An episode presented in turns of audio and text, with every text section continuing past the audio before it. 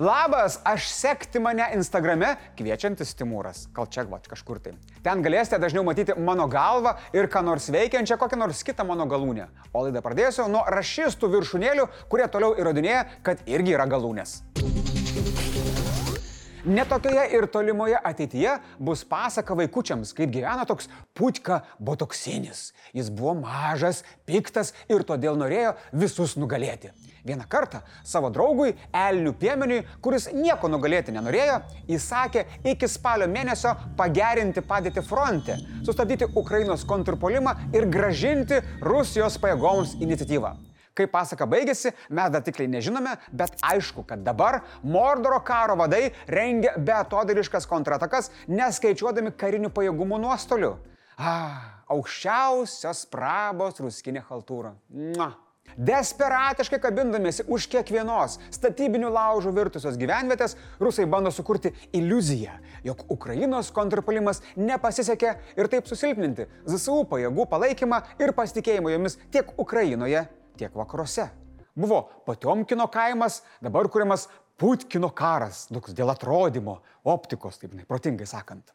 Orkams verkiant reikia lopyti praretėjusias savo gretas, todėl vis dažniau pasigirsta pranešimų, kad pavieniai Wagnerio daliniai grįžta į frontą. Pasak analitikų, apie 500 samdinių prisijungia prie naujos nenustatytos organizacijos, kurią suformavo buvęs Wagneriečių personalo skyriaus vadovas. Tikėtina, kad jie dalyvaus mūšiuose pietinėme Bahmuto flange, kur rusų reikalai nuolat prastėja. Tuo tarpu jungtinėse tautose tęsiasi maskolių urmo konvulsijos. Neseniai Lavrovas pareiškė, kad vakarų valstybės, remdamos Ukrainą, de facto kovoja prieš Maskvą. Jis sielojasi dėl milijardus dolerių kainuojančios vakarų karinės įrangos ir amerikiečių bei britų teikiamų žvalgybinių duomenų. Nu, tikrai, labai blogai Lavrovai. Tu čia prievartauji, va, tipo, greuni ten, žudai, taip nuoširdžiai žodžiu, iš visų jėgų, o tau trukdo. Perfrazuojant Albanijos paraimą, baikit karą ir parama baigsis. O kol kas Ukrainos niokojimas tęsiasi. Šiandien rusų teroristai į Odesą paleido 19 motodronų ir 2 viršgarsinės raketas Onyx, bei paleido 12 raketų kalibr. Visi bepiločiai orlaiviai Shahed ir 11 raketų kalibr buvo numušti. Kombinuota raketų ir dronų ataka padarė daug žalos uosto infrastruktūrai. Apgadinti sandėliai ir kelios privačios namų valdos. Smarkiai nukentėjo Odesos karinių jūrų laivyno stotis ir netoliese esantis viešbutis. Tačiau Ukrainos pajėgos skolingos nelieka. Sekmadienį bepilotis orlaivis Halino aerodrome daliai rusų karininkų įteikė vienpusius bilietus pas Prigožiną. Dalį konvertavo į chirurgų klientus. Šaltiniai teigia, kad sprogimas nugriaudėjo ant kilimo ir tupimo tako, kuomet radiolokacinėmis priemonėmis nutupdyto drono apžiūrėti ir nufotografuoti atvyko aviacijos pulko vadovybė ir FSB pareigūnai. Jiems mėginant apžiūrėti trofėjinį droną buvo detonuotas sprogmo. Nu, na, tiesiog. O dar norit deserto? Norit? Netilat kalboms dėl Lenkijos ir Ukrainos nesutarimų pranešama, kad šalis kartu kūrė didelį karinės medicinos centrą, kuriame galėtų keistis patirtimi ir teikti praktinę pagalbą. Na, o mūsų lietuviška patirtis rodo, kad skambutis numeriu 1482 ir auka Ukrainai ne tik švarina jūsų karmą, gerina savijautą, bet ir galimai pratęsia šį dieviškai gražų rudenį. 1482. Ar esate matę tos juokingus video, kur pusamžiui vyrui antra pusė ant jo gauruotos kupros priklijuoja karšto vaško juostą ir tada bando nulupti? Jei ten rankos dreba, tas reikia, neskauda, viskas per ilgai užsitęsia. Tai va panašų dalyką Azerbaidžianas pagaliau padarė Armenijai, tik kad taip greičiau. Po žaibiškos Azerbaidžiano operacijos kalnuotoje teritorijoje Armenija kapituliavo ir atidavė dešimtmečius ginčytas Kalnų Karabacho teritorijas. Teroristinė Rusija, kuri po karo 20-aisiais čia atsiuntė orkus vadinamus taikdariais, prižiūrėjo etninių armėnų kovotojų nuginklavimą.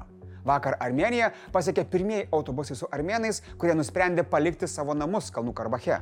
Jie baiminasi represijų ir etninio valymo, jau lab, kad palikti regioną savo norų paragino Azerbaidžianas. Sklinda informacija apie 5000 pabėgėlių. Azerbaidžianas tuo tarpu neigia ketinantis pradėti etinius valymus. Armenijoje tebėra gyvi prisiminimai apie masinės žudinės Osmanų imperijos gyvavimo pabaigoje, kurias armenai, Junktinės valstijos ir daugybė istorikų laiko genocidu. Armenija apkaltino Turkijos sąjungininką Azerbaidžianą, planuojant dar vieną etninį valymą ir paragino Junktinės tautas užtikrinti, kad taip neatsitiktų.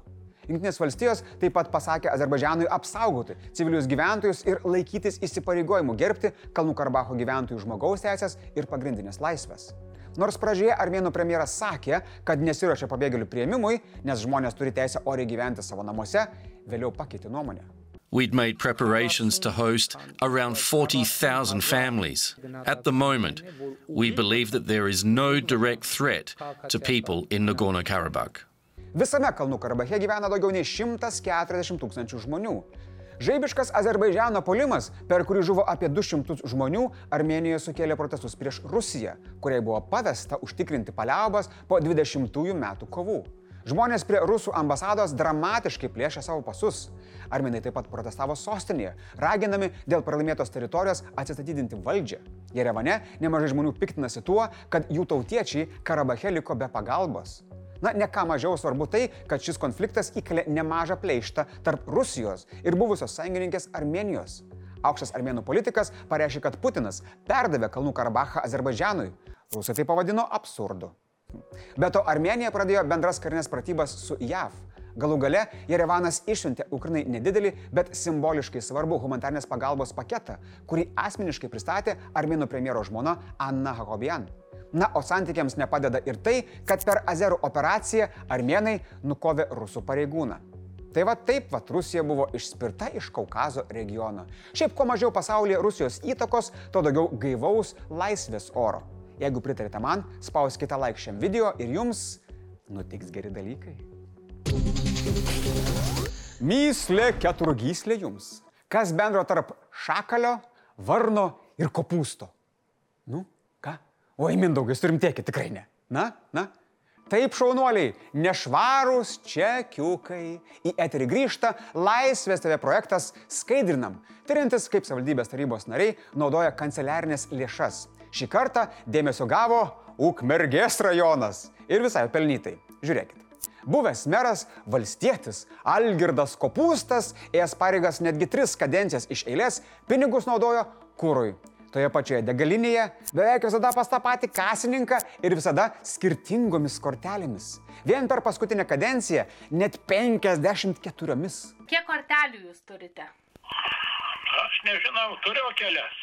Nes mes vien tik per 2022 metus suskaičiavom 27 skirtingas. Na, čia biški per daug. Kitas įtariamasis - Ukmergės rajono politikas, ūkininkas Dalius Varnas. Jis išrinktas su komiteto sąrašu, o tada pabėgęs pas skvernelio demokratus.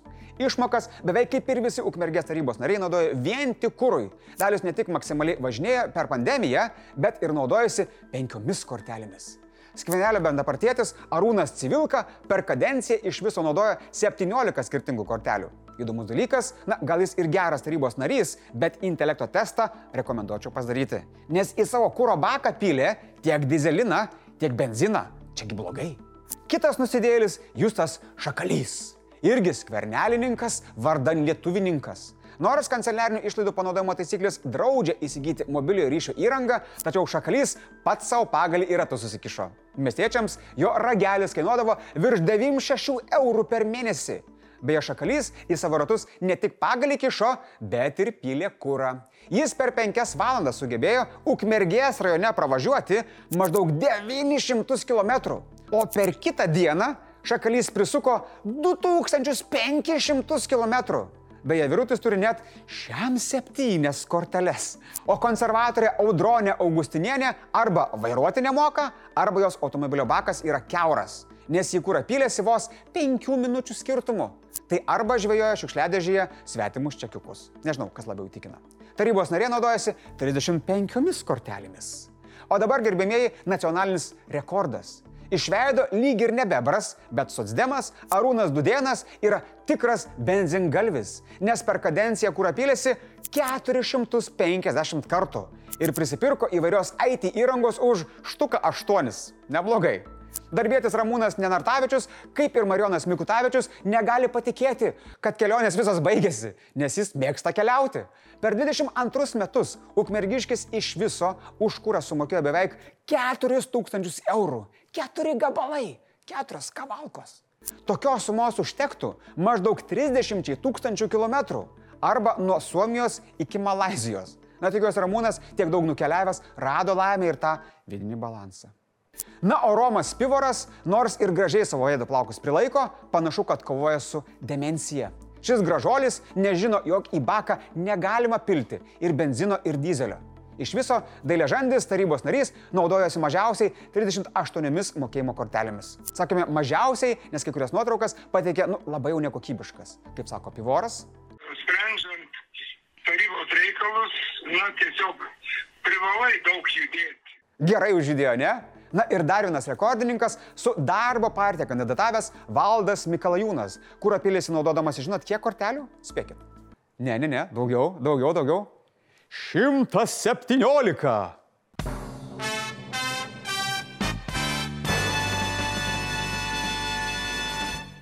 Sveikinu, daugiau kortelių turi tik iliuzionistai. Wow. Yra ir daugiau pažeidėjų, tačiau nenoriu čia visko išpasakoti. Pasimkit patys, vats, spragėsiu ir pažiūrėkit laidą, kurią Andrius rodė penktadienį kantrybį rėmėjim, jeigu tokiais esat. Jeigu ne, tapkit. Kol kas atrodo, kad Lietuvos savivaldai čia bus didžiulis sukretimas. Penki iš dešimties gyventojų sako, kad jų pasitikėjimas savivalda dėl vadinamojo čekiukų skandalo krito. Politologas Lauras Belinis mano, kad socdemai per formaliai žiūri į skandalą ir jiems vis tiek teks apie tai kalbėti. Tuo tarpu TSPMI docentas Maždas Jastramskis tikras, socdemams tai reikia išlaukti ir jokių pasiekmių nebus. Konservatorius Matas Maldeikis irgi mano, kad socdemai kels tuos pačius žmonės ir kitose rinkimuose, o sąrašo viršuje bus Mindaugas Sinkevičius, prisipirkęs televizorių. O aš manau, mūsų visuomenė toleruoja dėje korupciją daug daugiau, negu mes norime tai pripažinti patys savo. O jūs paveikė? Atsižvelgsite balsuodami pavasarį? Ar iki pavasario viską imsit užmiršit? Parašykite komentaruose, kiek žalos ir naudos rinkimams duos čekiukų skandalas. Labai įdomu. Visi, kas buvo geri ir labai stengiasi, visada skaičiuoja dienas iki kalėdų, o kiti, kuriems pasisekė mažiau, skaičiuoja iki naujų prezidento rinkimų. Akilesni jau pastebėjo užslėptas kovas reitingų lentelėse. Vieni politikai kalbėdami apie galimą kandidatavimą juokiasi, kiti priima rimtai, dar kiti tiesiog stebisi palaikymu. Taigi pasižiūrėkim, ką ant prezidentinio suneštinio stalo jau deda kai kurios partijos. Pradedam nuo daugumos vyriausybėje konservatorių partijos skyriai ko ne vieningai sutinka, kad norėtų pamatyti antrą Ingridos Šimonytės bandymą rinkimuose. Tai kaip jums šitą idėją? Hm? Ji rinkimams kol kas nesako ne. Radaruose šmėžuoja ir partijos pirmininkas Gabrielius Landsbergis. Taip pat keliai į prezidentus atviri ministrams Arvidui Anušauskui, Monikai Navickieniai bei gynybos komiteto pirmininkui Laurinui Kaščiūnui. Na, čia jau toks tikras Royal Flush, jeigu kalbėtume pokerio terminais. Na bent jau man tai atrodo. Nors reitingų nenuvertinanti Irina Degutienė pozityviai atsiliepia apie Šimonytės kandidatūrą, tačiau daug vilčių pergaliai nededa. Kitiems kandidatams Degutienės manimų dar trūksta arba patirties, arba matomumo visuomenėje. Nesnaudžia ir praėjusios savivaldos rinkimų žvaigždės socialdemokratai. Partijos nuomonė, prezidentais galėtų būti net penki socdemų klasės šauniausiai. Gintautas Paluckas, Nerijus Cesiulis, Vitenis Pavilas Andriukaitis, Liutauras Gudžinskas ir raudoniausia čirvinė rožė Vilija Blinkevičiūtė. Ji nutaisusi paslaptingą veidelį, savo sprendimu kol kas nesidalina. O štai Alitaus meras atrodo užtikrintas savo dzūkiškų šaknų gale rinkimuose.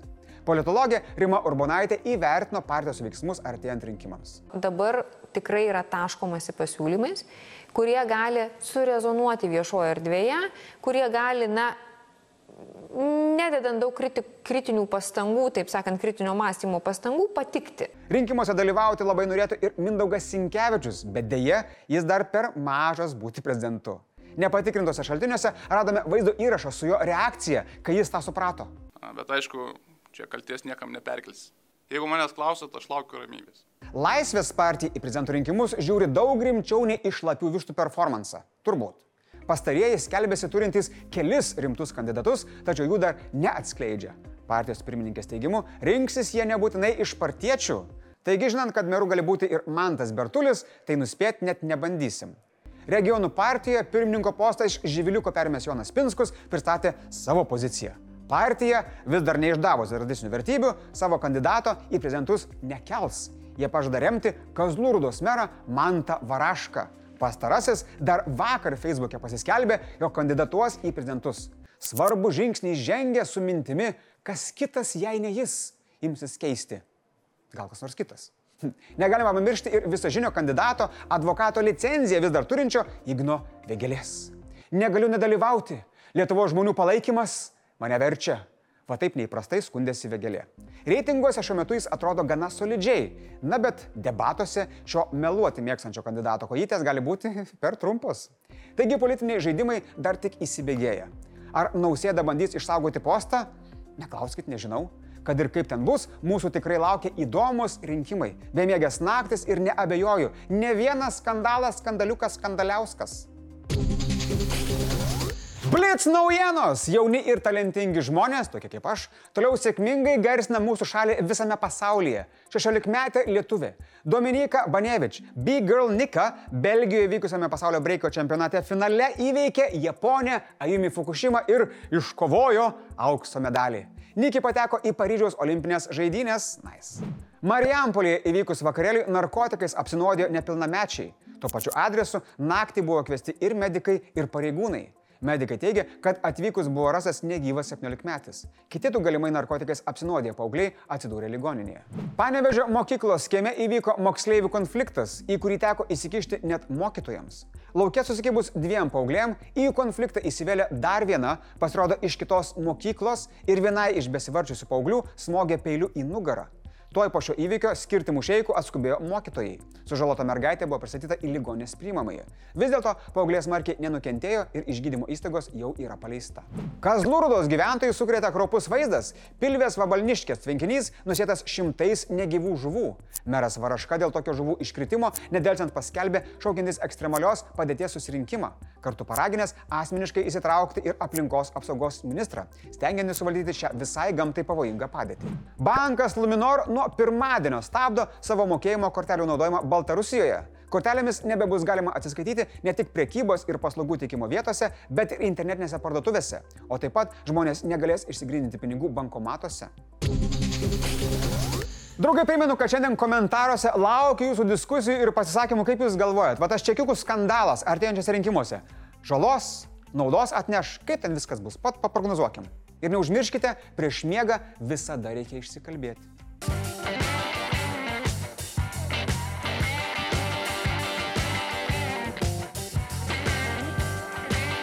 Komentarų apžvalga. Po pratos laidos komentaruose pasipylė skaičiukai. Na be galo smagu, kad mūsų žiūri tokia įvairi publika. Štai trim ketverių komentatorius Eli pasigodė, jog nors ir vienišas vis tiek žiūri Laisvės TV. Ir dar pridėjo kriterijų būsimai merginai. Turi būti tokia kaip eglutė. Na tai sėkmės ieškant, tiek pasakysiu. Na, o Rokas tiesiog šaukia, maldauja komentaruose, kad atsakyčiau. Rokas palaiko Lenkus ir klausia, ar tie skaičiukai komentaruose tam, kad jo komentaro niekas nepastebėtų. A, vad pastebėjau. Taip išeina, kad ne. Atsakiau. Visi laimingi. Tiek žinių.